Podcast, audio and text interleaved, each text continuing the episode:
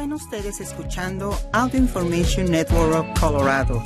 Esta grabación está destinada a ser utilizada únicamente por personas con impedimentos para leer medios impresos.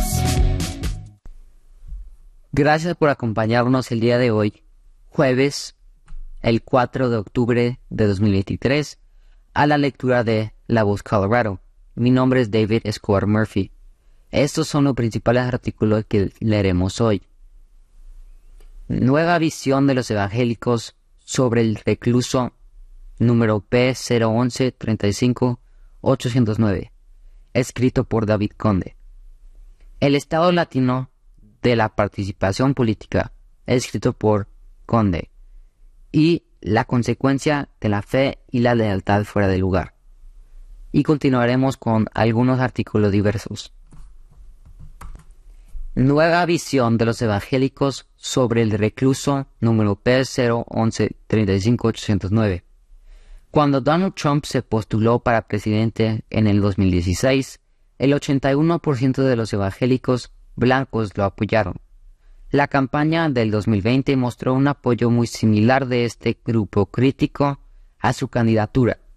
Sin embargo, hay indicios explícitos de que el respaldo se está ablandando comenzando a resquebrajarse. El giro de los acontecimientos también puede disminuir el sueño evangélico de convertirse en el principal sistema de creencias del país y quizás en la región oficial de Estados Unidos. La cuarta acusación formal de Trump y su procesamiento como recluso número P01135809 en Atlanta podrían iniciar un abandono significativo del favorito republicano en las primarias por parte de una mayor parte del movimiento evangélico, lo que era una tolerancia generalizada de la naturaleza pecaminosa de Trump porque era visto como un instrumento para lograr el plan de Dios. Está perdiendo gradualmente su significado. La génesis del cambio de opinión proviene para muchos de lo que creen es la personalidad falsa que el expediente ahora y aporta al liderazgo que retrata. También hay un elemento de temor acerca de su asociación con el concepto del anticristo que se hizo más prominente en las dos epístolas de Juan del Nuevo Testamento. Irónicamente, el camino hacia este, este pensamiento también tiene un poco que ver con las profecías, las profecías bíblicas o las barreras espirituales proporcionadas por la comunidad fundamentalista. Más bien el camino hacia esta consideración está impulsando políticamente el logro del nombramiento de tres jueces conservadores de la Corte Suprema por parte del presidente Trump y el Senado republicano le valió el más alto nivel de apoyo por parte de los evangélicos, particularmente cuando fue seguido por la, la revocación de Roe v. Wade. Luego llegaron las elecciones de mitad del periodo del, 2022, donde ganó el derecho de la mujer a elegir y más específicamente la cuestión del aborto. Y el Partido Republicano experimentó una de sus peores derrotas en la historia reciente. Las acusaciones que siguieron incluyeron los sentimientos expresados por el expresidente Trump sobre las consecuencias políticas negativas del asunto del aborto, los sentimientos públicos de Trump sobre el tema llevaron a un escrutinio de su posición y apoyó a la plataforma Pro Vida. Cualquiera que haya leído la historia del expresidente sabe que fue una demócrata pro elección. Entre otras afiliaciones políticas antes de convertirse en un republicano pro vida, sus declaraciones sobre las derrotas políticas de mitad de periodo de 2022 crearon más dudas dentro de la comunidad evangélica sobre su lealtad a lo que consideran la obra de Dios. Las cuatro acusaciones contra Trump alientan las nociones de su papel potencial como el anticristo que muchos creen que es un elemento destacado de los últimos días. Esto se debe a que a medida que la amenaza de condena y encarcelamiento se convierte en una, en una probabilidad, el estilo autoritario que exhibe requiere que sus seguidores lleven a cabo actos de lealtad y devoción exagerada hacia su persona. Muchos cristianos evangélicos creen que esta práctica es adoración de ídolos y una mentalidad de culto centrada en la persona. Convence a algunos de que Cristo está siendo reemplazado por Donald Trump. Durante mi infancia practicando el cristianismo evangélico, me enseñaron que cada individuo de la congregación necesitaba desarrollar una relación personal con Dios. Esta relación se expresó en el testimonio ante los miembros en los servicios de la iglesia. La relación no debía ser interrumpida por influencias externas que pudieran alejar a la persona de impacto. En este sentido, es irónico que los líderes de la iglesia evangélica estén exponiendo a los creyentes a una guía externa que puede conducir a posibles alternativas a Cristo. Una consecuencia importante de esto es la exposición a personas que buscan sustituir lo que uno considera más sagrado. En este sentido, Donald Trump puede ser un criminal, ir a la cárcel y ser considerado un mártir. Pregunta para los evangélicos de Trump. ¿Dónde está Jesús en esto? Continuaremos con el estado latino de la participación política. Los latinos en los Estados Unidos están pasando por un arduo proceso de aculturación y a veces de asimilación a la naturaleza fundamental de la vida estadounidense. La historia de este desarrollo implica cambios importantes en la perspectiva social del lugar y el ajuste psicológico de la identidad frente a una transformación de la marginación a la corriente principal.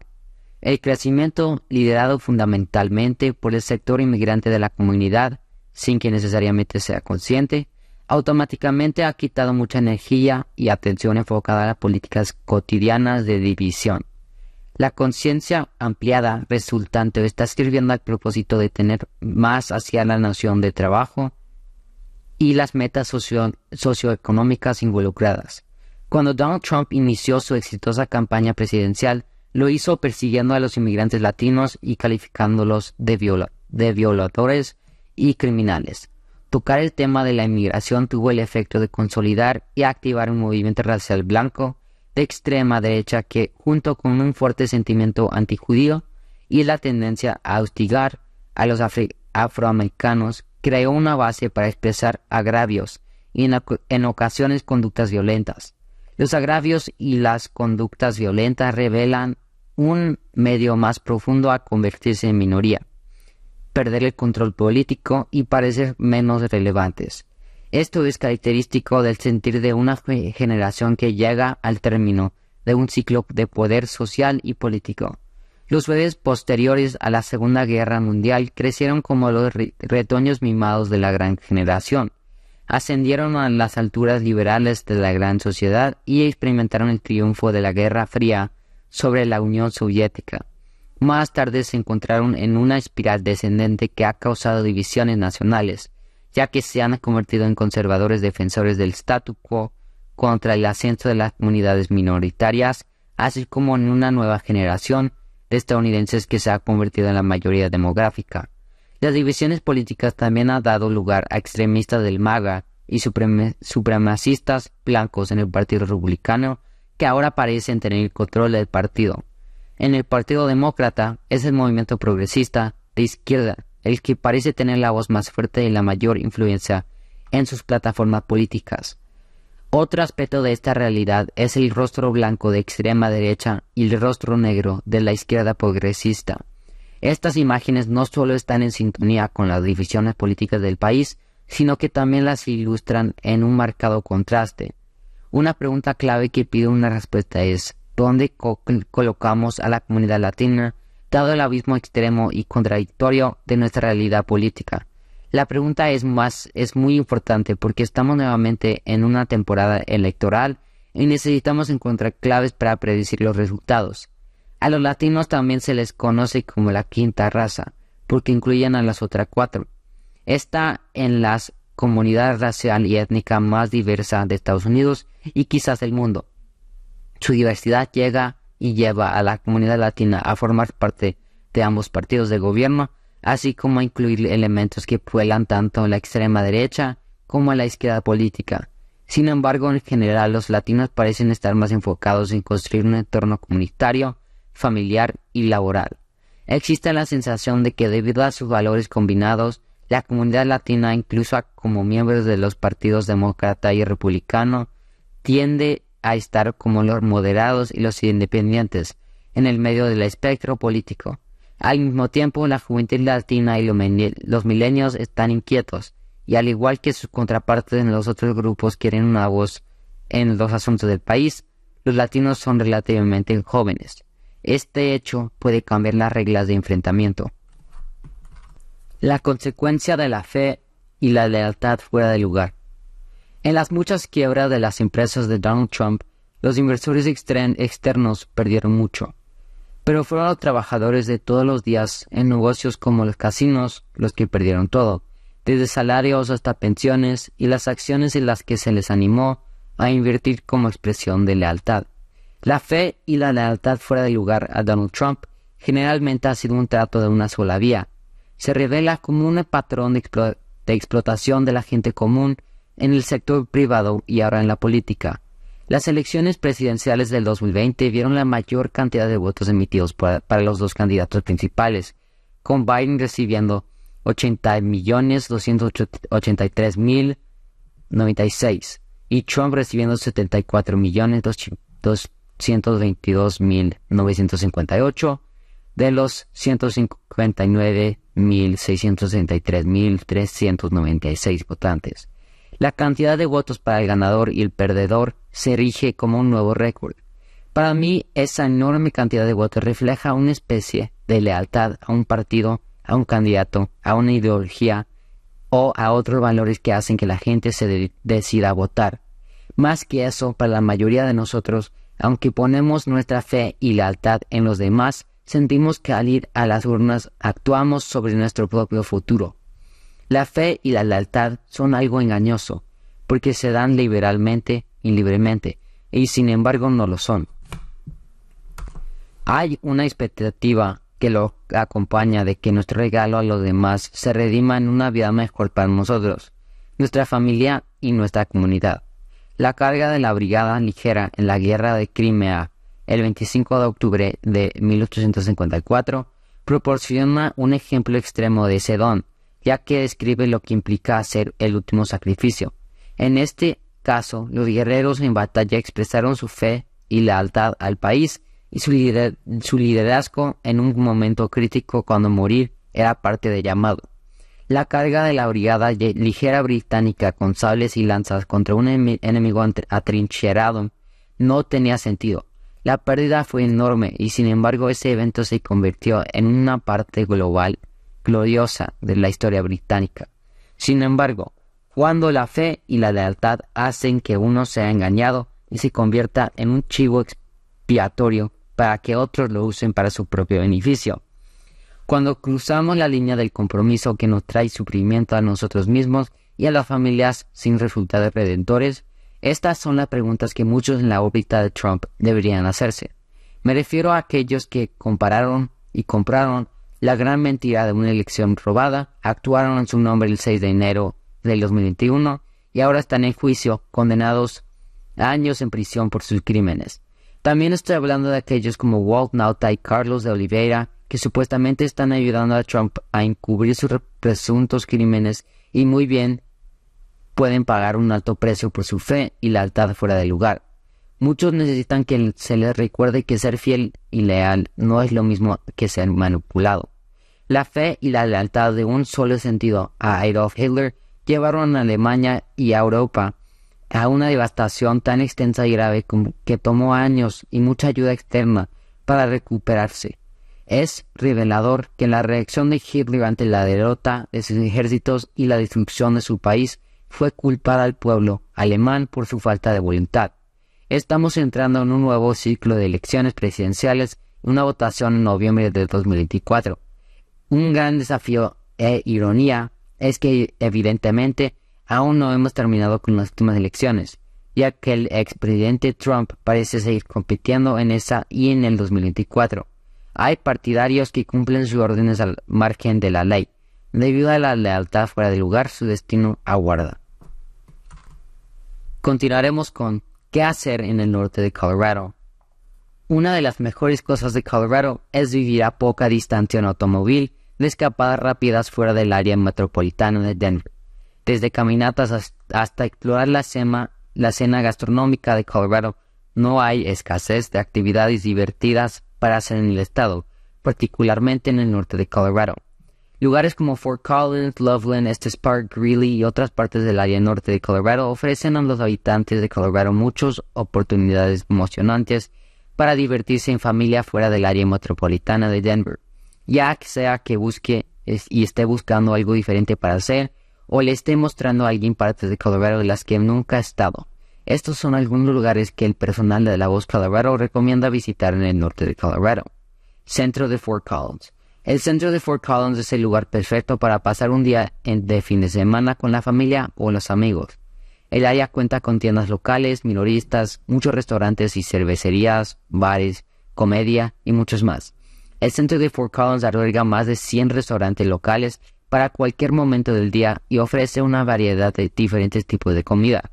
Las tiendas de propiedad local en el área incluyen boutiques de propiedad local, tiendas de segunda mano y otras tiendas exclusivas. Para obtener más información sobre cómo planificar un día en el centro de Fort Collins, visite downtownfortcollins.com. Playa para nadar en el lago Loveland. Lake Loveland Swim Beach ofrece una relajante playa de arena, de arena y natación. El lago incluye bancos, portabicicletas, áreas de picnic y más para disfrutar de un día divertido bajo el sol. La playa está abierta todos los días durante el verano a partir de media mañana y es gratuita. Lake Loveland Swim Beach está ubicada en 2750 North Taft Avenue en Loveland, Parque Nacional de las Montañas Rocosas. Uno de los parques nacionales más populares de Colorado, el Parque Nacional de las Montañas Rocosas ofrece un entorno montañoso con prados, lagos, senderos para caminatas y observación de la vida silvestre. Los animales que los visitantes pueden encontrar incluyen alces, borregos, cimarrones, alces, marmotas, picas y otros animales salvajes. Al final de la calle del parque se encuentra este park, una ciudad que alberga más de 200 tiendas minoristas, restaurantes y atracciones en el centro de la ciudad.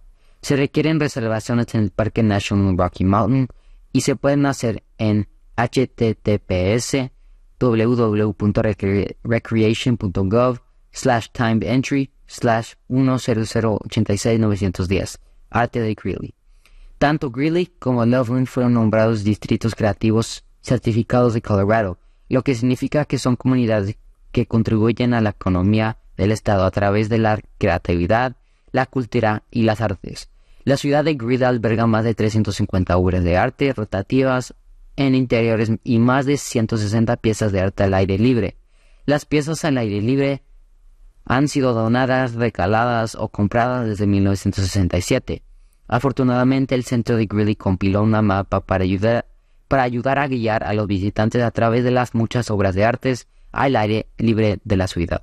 Y mientras los visitantes echan un vistazo al arte de la, ciudad, pueden explorar, cenar y comprar en los numerosos establecimientos del centro de Greeley. Los visitantes pueden encontrar el mapa e información sobre cómo planificar un viaje al centro de Greeley en greeleydowntown.com. Terminaremos con Florida destaca la mancha de la, esclavitud. El liderazgo político de Florida ha decidido equilibrar la mancha de la esclavitud con algunos beneficios que ofrece la propiedad de los negros en los libros de historia para los estudiantes del Estado por parte de los blancos del sur. Estas revisiones están diseñadas para reducir la culpa asociada con, con esa práctica institucional y normalizar particularmente la separación de la comunidad blanca del sur en su propia historia. Este proceso de reescribir la historia étnica y racial en Estados Unidos apunta a un, a un miedo y a veces a una resistencia violenta a una corriente de circunstancias en desarrollo que está haciendo que el país sea menos blanco. Nuestra nación luchó en una guerra civil 1861 a 1865 y adoptó la enmienda 14 a la Constitución en 1868, en parte para terminar con la esclavitud y revertir la noción de que una persona puede ser dueña de otra. El esfuerzo en Florida para educar a los niños sobre la parte buena de la esclavitud hace retroceder la relación y la visión de los afroamericanos de los blancos. a una época en la que esa institución peculiar impulsaba la creación de riqueza en el sur agrícola. Enseñar a los alumnos que ser esclavo te hacía bien y de alguna manera te hace mejor persona, agudiza el ocaso y la decadencia de una mayoría que empieza a demostrar que no es apta para gobernar. Tenía siete años cuando nuestro equipo fue asignado a trabajar en un campo de espinacas en el centro de Texas. Mientras trabajábamos en el campo, notamos que otro gran equipo trabajaba en la distancia. Esa tripulación estaba supervisada por hombres a caballo con rifles. Vimos que estaban presos cuando el grupo se acercó y pudimos verlo mejor. A medida que se acercaba más usted porque los hombres a caballo también comenzaron a rodearnos. Pronto quedó claro que por el momento habíamos perdido nuestra libertad y estábamos sujetos a las mismas condiciones que los prisioneros. Más tarde me enteré de que estábamos como detenidos y no se nos permitía hacer nada más que trabajar por razones de seguridad.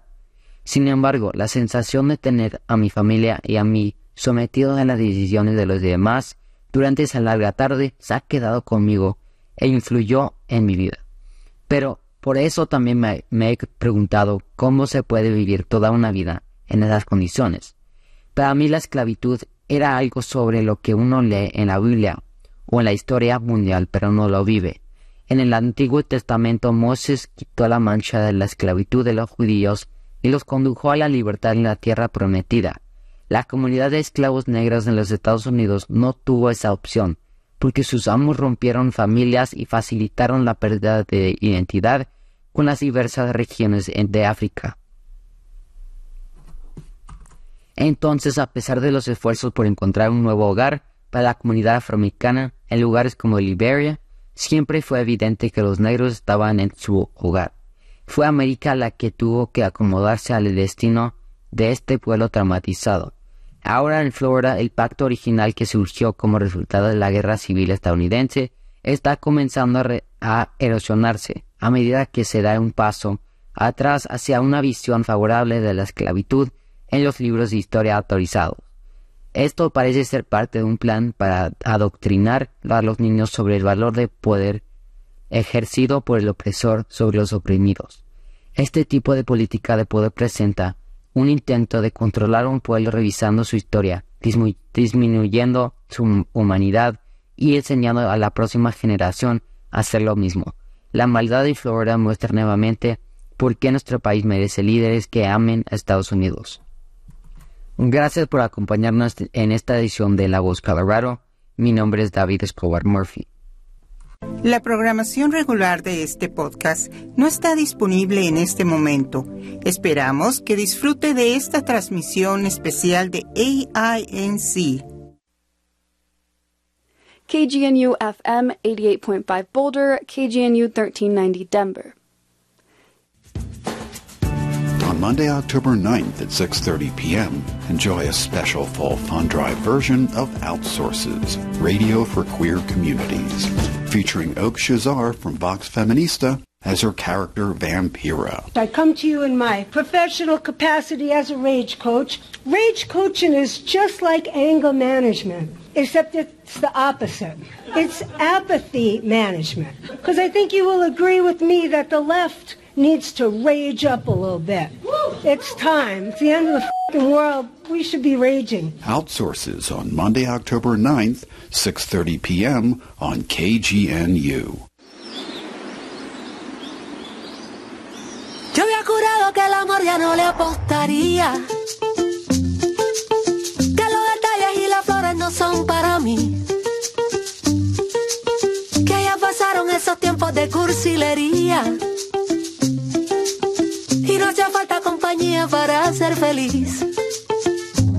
Y me salió el tiro por la culata, la mirada me delata, la apuesta ya la perdí. ¿Y ahora qué? Le digo yo a mis amigas que son cosas de la vida, que estoy loquita por ti. Te colaste en mis sueños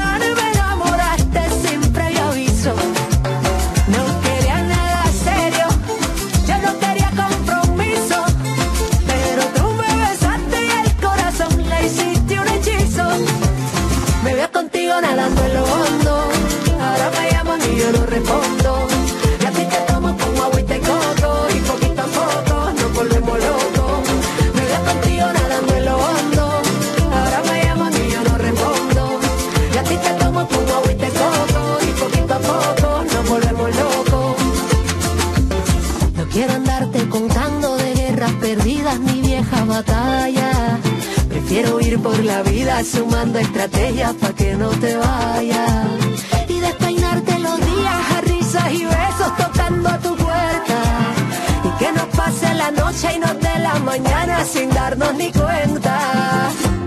Y me salió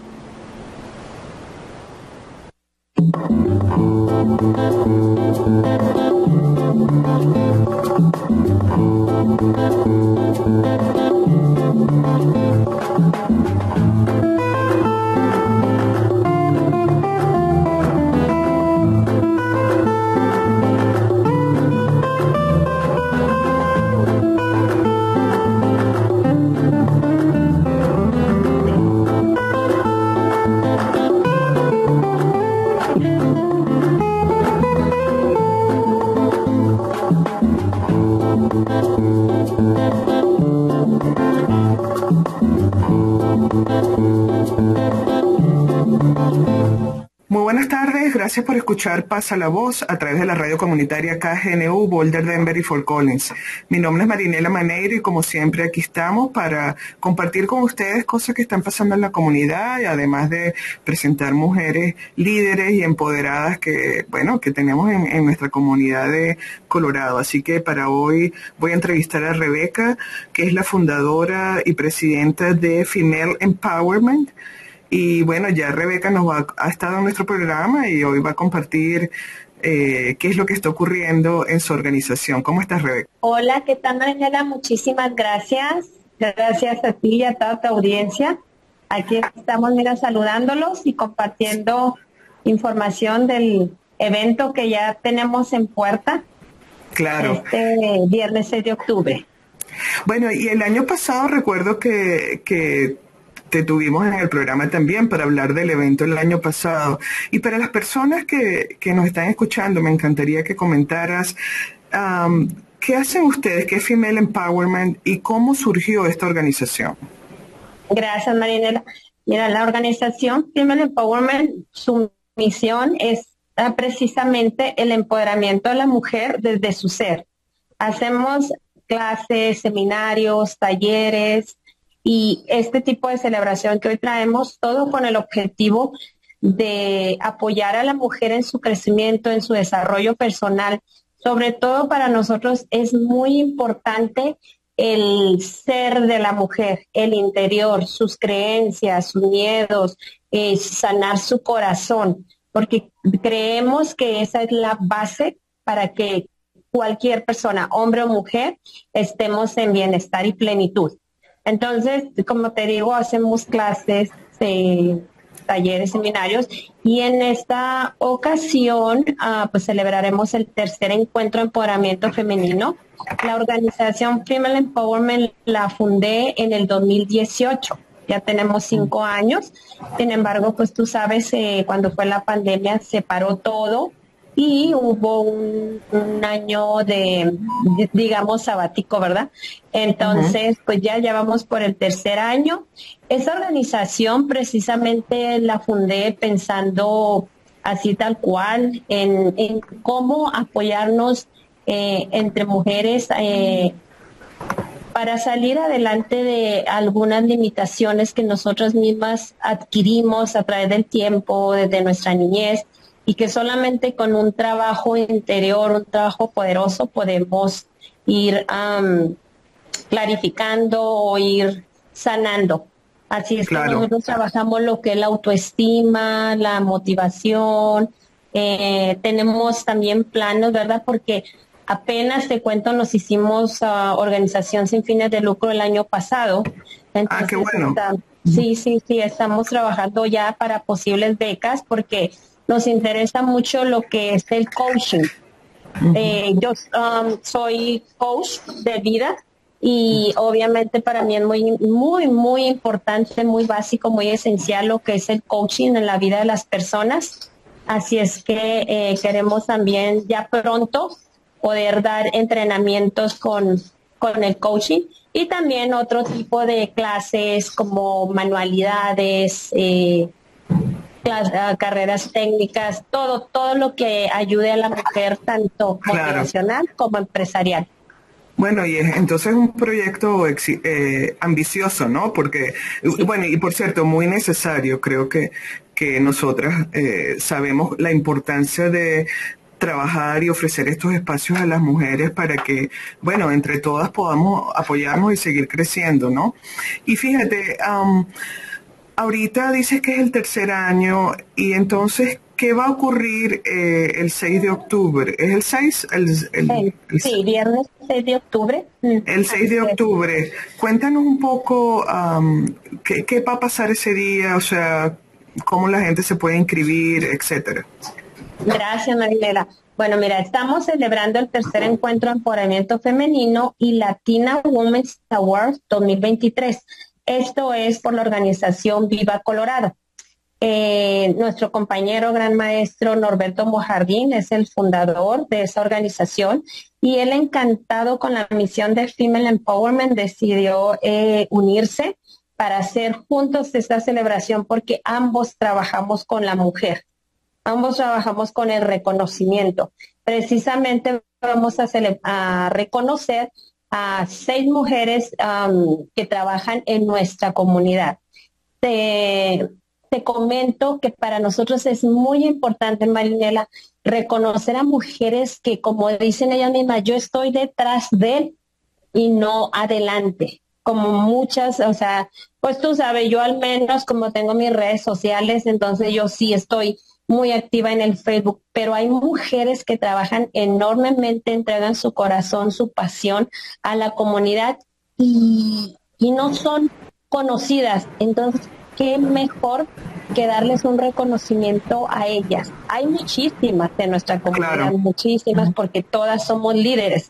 desde la mujer que está en casa hasta la mujer que está ahorita triunfando eh, con, sus negocios. Sin embargo, pues bueno, nos toca, yo creo que año por año, reconocer. Vamos a reconocer. Eso que sí.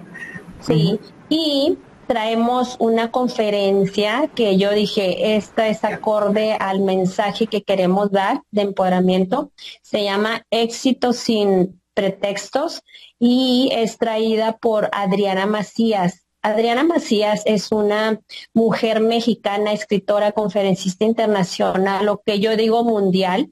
Eh, es una chica que nació sin brazos sin embargo, para ella eso no ha sido ningún impedimento para que pueda hacer de su vida una vida no normal, extraordinaria, porque ahorita ya toca eh, un instrumento, pintarte, o sea, hace su vida normal, yo creo que mejor que muchas personas que tenemos um, todas nuestras extremidades. Entonces, tiene una filosofía de vida eh, que, me encanta, que me encanta. Yo la sigo a ella y no, pues dije, eh, que venga, que venga ella a darnos este mensaje. Claro. Para derribar los límites. ¿Y de dónde viene ella? Viene de Guadalajara, México. Ok, excelente. No, y además me parece que, que a veces vivimos, como tú dices, este, pensando que, que nos faltan cosas aunque tengamos una vida plena y creo que un ejemplo, no la conozco, pero seguro que, es un ejemplo de empoderamiento extraordinario para nuestras mujeres y, bueno, para todas las que puedan asistir a esta, conferencia. Y, y, de las mujeres que van a reconocer, ¿tienes nombres o, todavía están en ese... Ajá. No, ya, ya, vamos a reconocer a Camelia. Eh, ella es empresaria, dueña de, yo creo que se han escuchado, eh, Camelia es un nuevo restaurante gourmet, uh, Coco Pirata, La Machaca de mi mamá, algo, carbón, carbón, tacos. Eh, no, no, es una mujer que aparte de ser gran empresaria, siempre no hay un día que tú no le pidas ayuda y que ella esté para servir. Ella, tanto como ella y su esposo, el señor Francisco, y su familia siempre están dispuestos a ayudar a la comunidad. Selene Néstor, ella es la presidenta y fundadora de la organización Association Spanish Restaurant. Ellas ayudan mucho lo que es la parte restaurantera. Me gusta mucho porque ellos hacen realce a los chefs a las personas que están en la cocina, que hacen de, cada restaurante eh, un éxito. Eh, Aide Rodríguez, ella es una mujer que trabaja mucho con la comunidad, no tiene en sí una organización en especial, no, siempre anda ayudando en cualquier movimiento que se esté, esté haciendo o cualquier logro que se, se tenga por, por hacer. También está ay, perdón, es que se me está. Uh, Stephanie Salas, ella colabora con la organización Viva Colorado, eh, está en todos sus proyectos, siempre también dispuesta a apoyar, a ayudar y, y este, una gran mujer, una diseñadora también de gráfica, hace muy, muy buen trabajo con, con, con ellos. Entonces tenemos también a María González, Sí, ella es de Adelante Community. Perdón, ¿se, cortó? No, no, está bien. Ah, ok, sí, a, María González, ella trabaja en la organización Adelante eh, Community. Y no, pues, ¿qué te puedo decir de María? Eh, ha hecho un gran trabajo en, en, nuestra, en nuestra comunidad. Eh, Carla Collins trabaja también para Latino Chambers Commerce. Ella, o no, mis respetos también para Carla Collins. Ella está para ayudar a todas las personas que están en ese proceso de, de poner su negocio, de encontrar su visión, eh, siempre, siempre trabajando arduamente. Entonces, pues bueno, y tenemos así como que una una sorpresa más para, para, reconocer. Pero bueno, pues como te digo, Marinera, son muchísimas mujeres. Yo yo digo, ¿a quién? ¿A quién? Porque claro, hay claro. en la lista. Y, y lo cual, lo cual, lo cual, Rebeca, bueno, primero te felicito porque me parece que es una iniciativa extraordinaria, porque fíjate, lo que pasa a veces es que siempre son como las mismas personas, lo cual no tiene nada de malo, porque mientras reconozcan a la mujer, todas estamos allí apoyando, ¿no? Pero, pero traer estas mujeres que, que además son, eh, nos podemos relacionar con ella más fácil, o sea, como que si ella lo pudo hacer, muchas de nosotros lo podemos hacer, ¿no? Seguir apoyando. Y y también ese reconocimiento a lo que hacemos el día a día, ¿no? Que, que, creo que también, eh, como tú decías, todas somos líderes dentro de nuestro propio contexto, ¿no? De verdad que te felicito porque eh, me suena como un evento extraordinario. ¿Y dónde va a ser ese evento? Va a ser en el Hotel Crown Plaza, ahí eh, en el centro de convenciones, en el área del aeropuerto. Es 15.500 y 40 Avenue. Es, el área restaurantera que está muy cerca del aeropuerto. Hotel Crown Plaza. Y más información la pueden encontrar en la página de Female Empowerment en Facebook. Ahí creamos nosotros el evento y ahí mismo pueden adquirir sus boletos.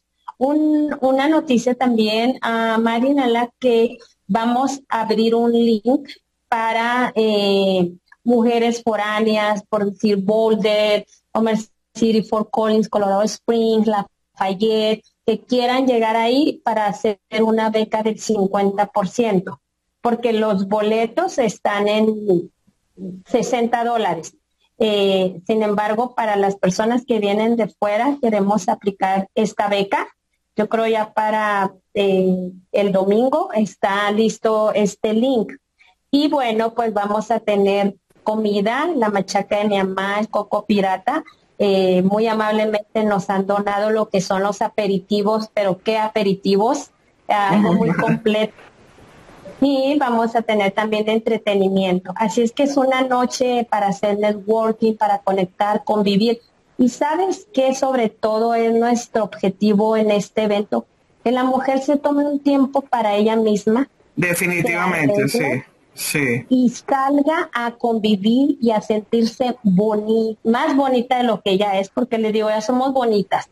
Pero todavía que diga, merezco arreglarme esta noche para mí y convivir con más mujeres bellas.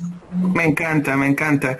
Y bueno, no, eh, no me queda sino agradecerte, por supuesto, por haber estado en el programa y compartir esta información tan, tan buena y creo que, bueno, que además el mes de septiembre y de octubre siempre por alguna razón está dedicado a estos eventos, así que eh, qué bueno que podamos eh, participar ese día, espero poder ir esta vez. Y, y bueno, eh, recuérdanos nuevamente dónde va a ser el evento, la hora, ¿hay algún teléfono que la gente pueda llamar? Eso también sería importante. Sí. mira, es el 720 975-3206 con Araceli Carrillo. 720-975-3206. Y va a ser el 6 de, el viernes 6 de octubre en el hotel, me dijiste. Plaza, Crown Plaza, muy bien. Y, bueno, y, pueden buscar eh, también en Facebook, me acabo de anotar en tu página para, para recibir la información. Y, bueno, Rebeca, de verdad te deseo muchísimo éxito en este, en, en, este evento y por supuesto en toda la organización. Y siempre cuenta conmigo para, para continuar apoyándola. Y a las personas que nos están escuchando, les recuerdo que están en Pasa la Voz a través de la radio comunitaria KGNU, Boulder, Denver y Fort Collins por la frecuencia 88.5 FM y la 3 1390 AM. Y si te gustó este programa, pasa la voz.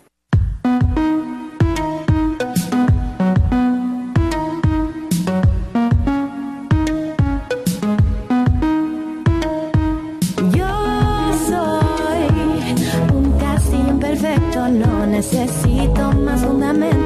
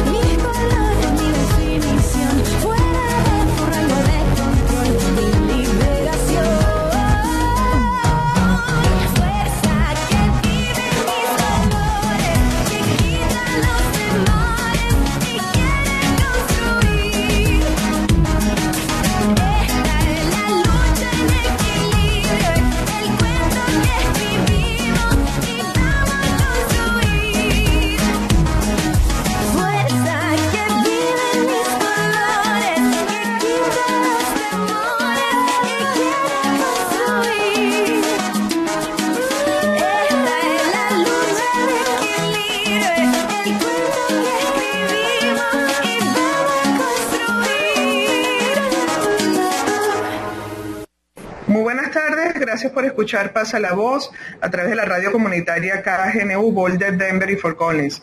Mi nombre es Marinela Maneiro y aquí estamos como todos los domingos y hoy afortunadamente vamos a tener material nuevo, una conversación eh, nueva con nuestro compañero y ya miembro de Pasa la Voz, Ricardo Cabrera, que hemos estado por, bueno, yo creo que más de un año haciendo estos clips, Ricardo, para hablar sobre temas que están relacionados con las finanzas, la economía, el ahorro, etcétera. Y que siguen siendo vigentes. Yo no creo que eso va, a pasar de moda, como dicen, ¿no? Porque todos los días estamos enfrentando alguna situación que de alguna manera impacta nuestro poder adquisitivo, nuestras finanzas, nuestro acceso a los recursos, etcétera. Entonces, bueno, contenta de que estés aquí nuevamente, Ricardo. Gracias Marinela por tenerme aquí de nuevo. Así ya llevamos más de un año con este proyecto, así es que este y gracias porque por la invitación. Me encanta platicar de este tema, es una pasión y este y bueno, soy a ver qué de qué vamos a platicar hoy, Nela. Bueno, eh, habíamos comentado un poco esta idea de hablar y sobre todo por las cosas que se acercan en relación a la política nacional y específicamente la política de, nuestro condado, ¿no? Este, podríamos hablar de cómo afecta, Ricardo, las eh, elecciones o los, no, no tanto las elecciones, por supuesto, pero las personas que elegimos o el hecho de votar, cómo impacta eh, nuestras finanzas y la economía, en este caso del condado, pues podemos hablar.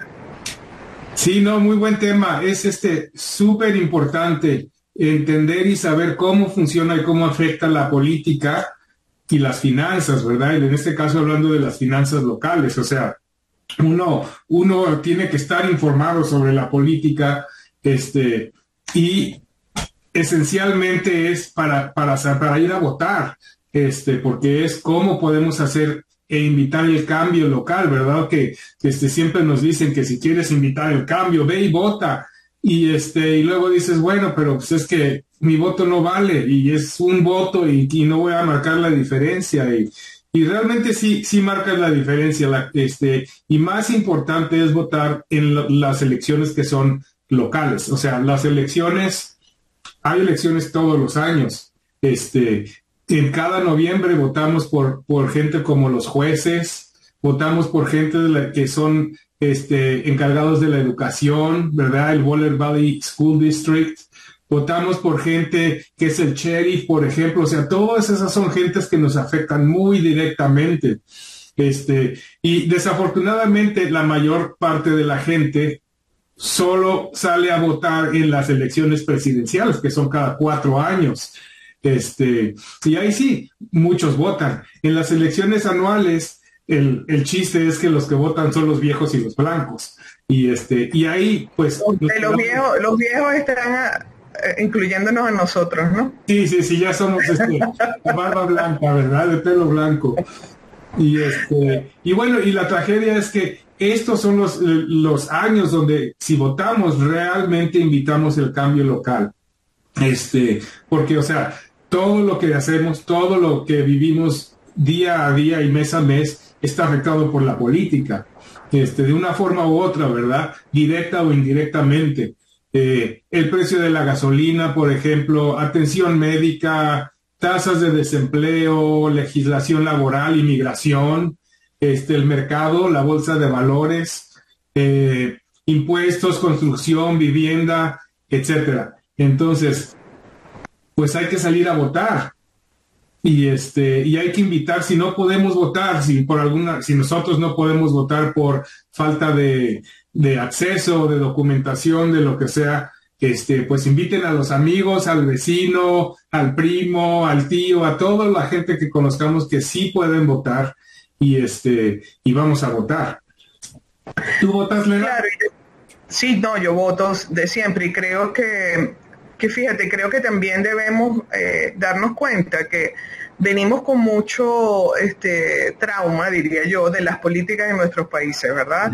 Donde quizás tenemos menos confianza en este, los sistemas de votación y además de, las, de los políticos en general, ¿no? Pero creo que es importante que nos demos cuenta, así como eh, nos hemos dado cuenta que la educación es totalmente diferente en este país que en nuestros países en términos de la, del impacto de, por ejemplo, los padres involucrándose en la educación de sus hijos, pienso que es importante tomar conciencia de cómo involucrarnos en nuestra vida cotidiana en las ciudades donde vivimos, en términos de las decisiones que se toman, es también importante. Y yo creo, Inclusive, Ricardo, eh, nosotros tenemos la fortuna de tener una, este, una persona en el, en el condado de Boulder, en el consejo del condado, que es latina, Marta Lochamil.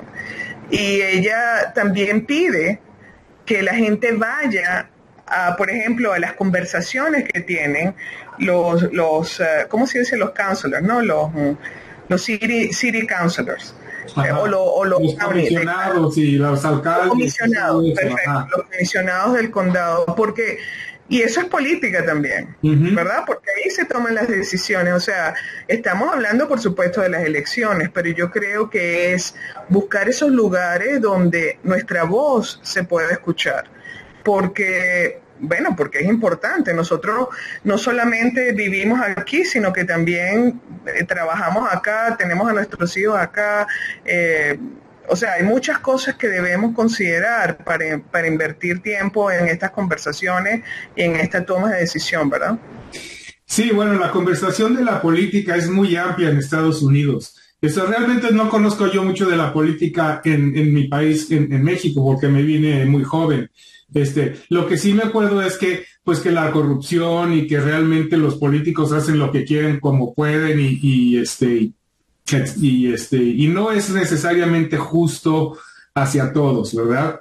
En Estados Unidos la, la, conversación política pues es muy, muy amplia y es muy involucrada. O sea, los, el alcalde aquí en, en, Lafayette, que es donde yo vivo, se juntan todos los martes y todo el mundo tiene el derecho de ir a pedir sus cinco minutos de que pueden tratar cualquier tema que ellos quieran, ¿no? Para que se oiga y se, pues, se, comience una conversación pues muy local, ¿no? Igual con el condado, el, el, el gobierno del condado tiene lo mismo, nosotros podemos ir a, a, platicar y a traer temas. Y fuera de eso hay conversaciones este, más, más pequeñas, ponle que se junten, se juntan los diferentes departamentos, a hacer conversaciones, a escuchar las opiniones de, de la comunidad y así poco a poco ir invitando el cambio, ¿no? Ahora, una de las cosas que te puedo comentar de mí personalmente es que yo soy la persona menos política en la historia de todas las personas.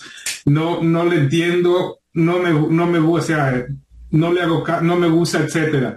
lo que sí sé, te voy a decir, lo que sí sé es quién cree lo mismo que yo creo de los políticos. Entonces, por ejemplo, si hay alguien que, que, como Marta, por ejemplo, ella está abriéndonos las puertas a muchos latinos por muchas razones. En el caso de, de este, de este noviembre, pues seguro voy a votar por ella porque conozco que piensa igual que yo, sus metas son las mías que mis metas, este, igual que, por ejemplo, algún sheriff que si yo sé que es racista, por ejemplo, pues no voy a votar por él, pero al menos tengo que saber quién es quién, este, para poder votar inteligentemente y invitar el cambio que yo busco.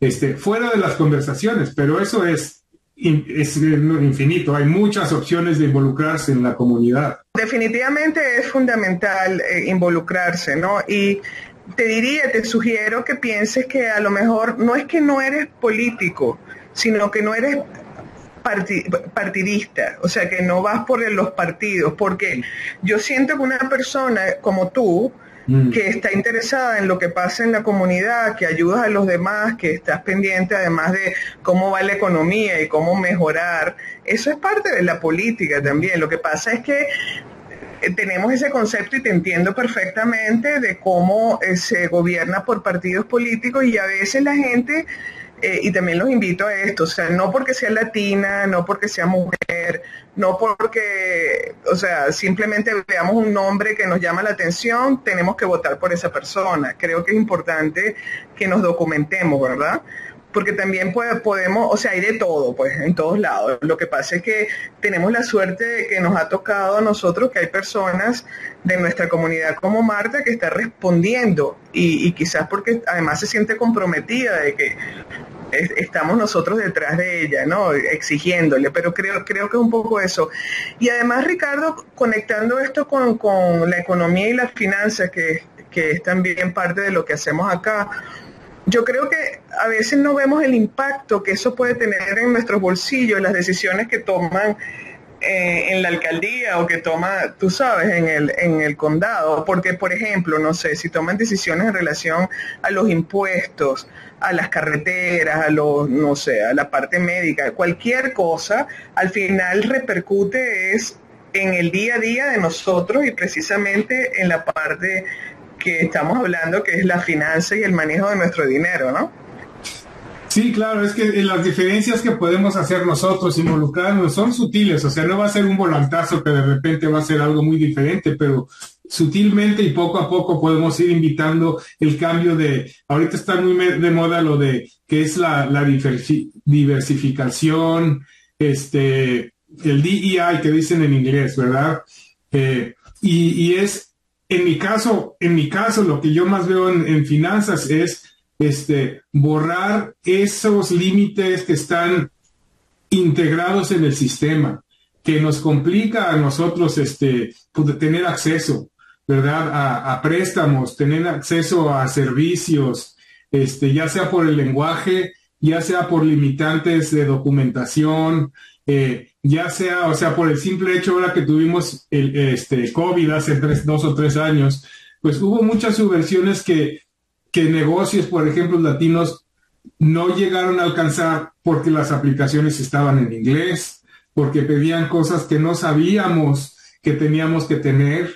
Y este, y ese es un ejemplo de, de algo que podemos hacer, un cambio que podemos invitar al votar por la por un individuo, una persona que esté consciente de estas cosas, este, porque también los políticos son humanos, ¿verdad? A veces no saben que no saben que hay un problema y esa es parte de nuestra tarea, es poner a gente ahí que, que sepa que hay una brecha o una limitante que hay que cerrar.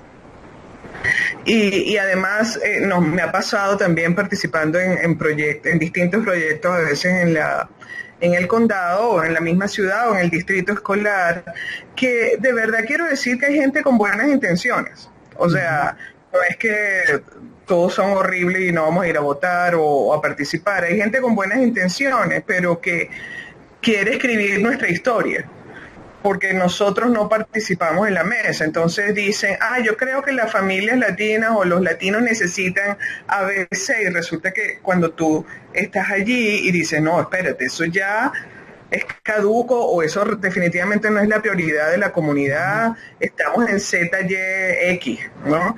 Entonces, creo que también es eso, porque a veces nos quejamos después que pasan las cosas, pero eh, cuando nos dan la oportunidad de estar allí, pensamos que no es necesario. Y, yo les siempre digo, o sea, la única manera de, participar es atreverse. O sea, yo entiendo que también, y no podemos obviar esto, Ricardo, estos espacios están como muy estructurados de una manera que es muy blanca, por decirlo de alguna forma, ¿verdad? O sea, es una manera muy patriarcal a veces. Eh, y por supuesto, de repente nos sentimos intimidados de participar, o el idioma, o todas estas cosas que acabas de nombrar. Pero tenemos que atrevernos porque, además, yo creo, trabajando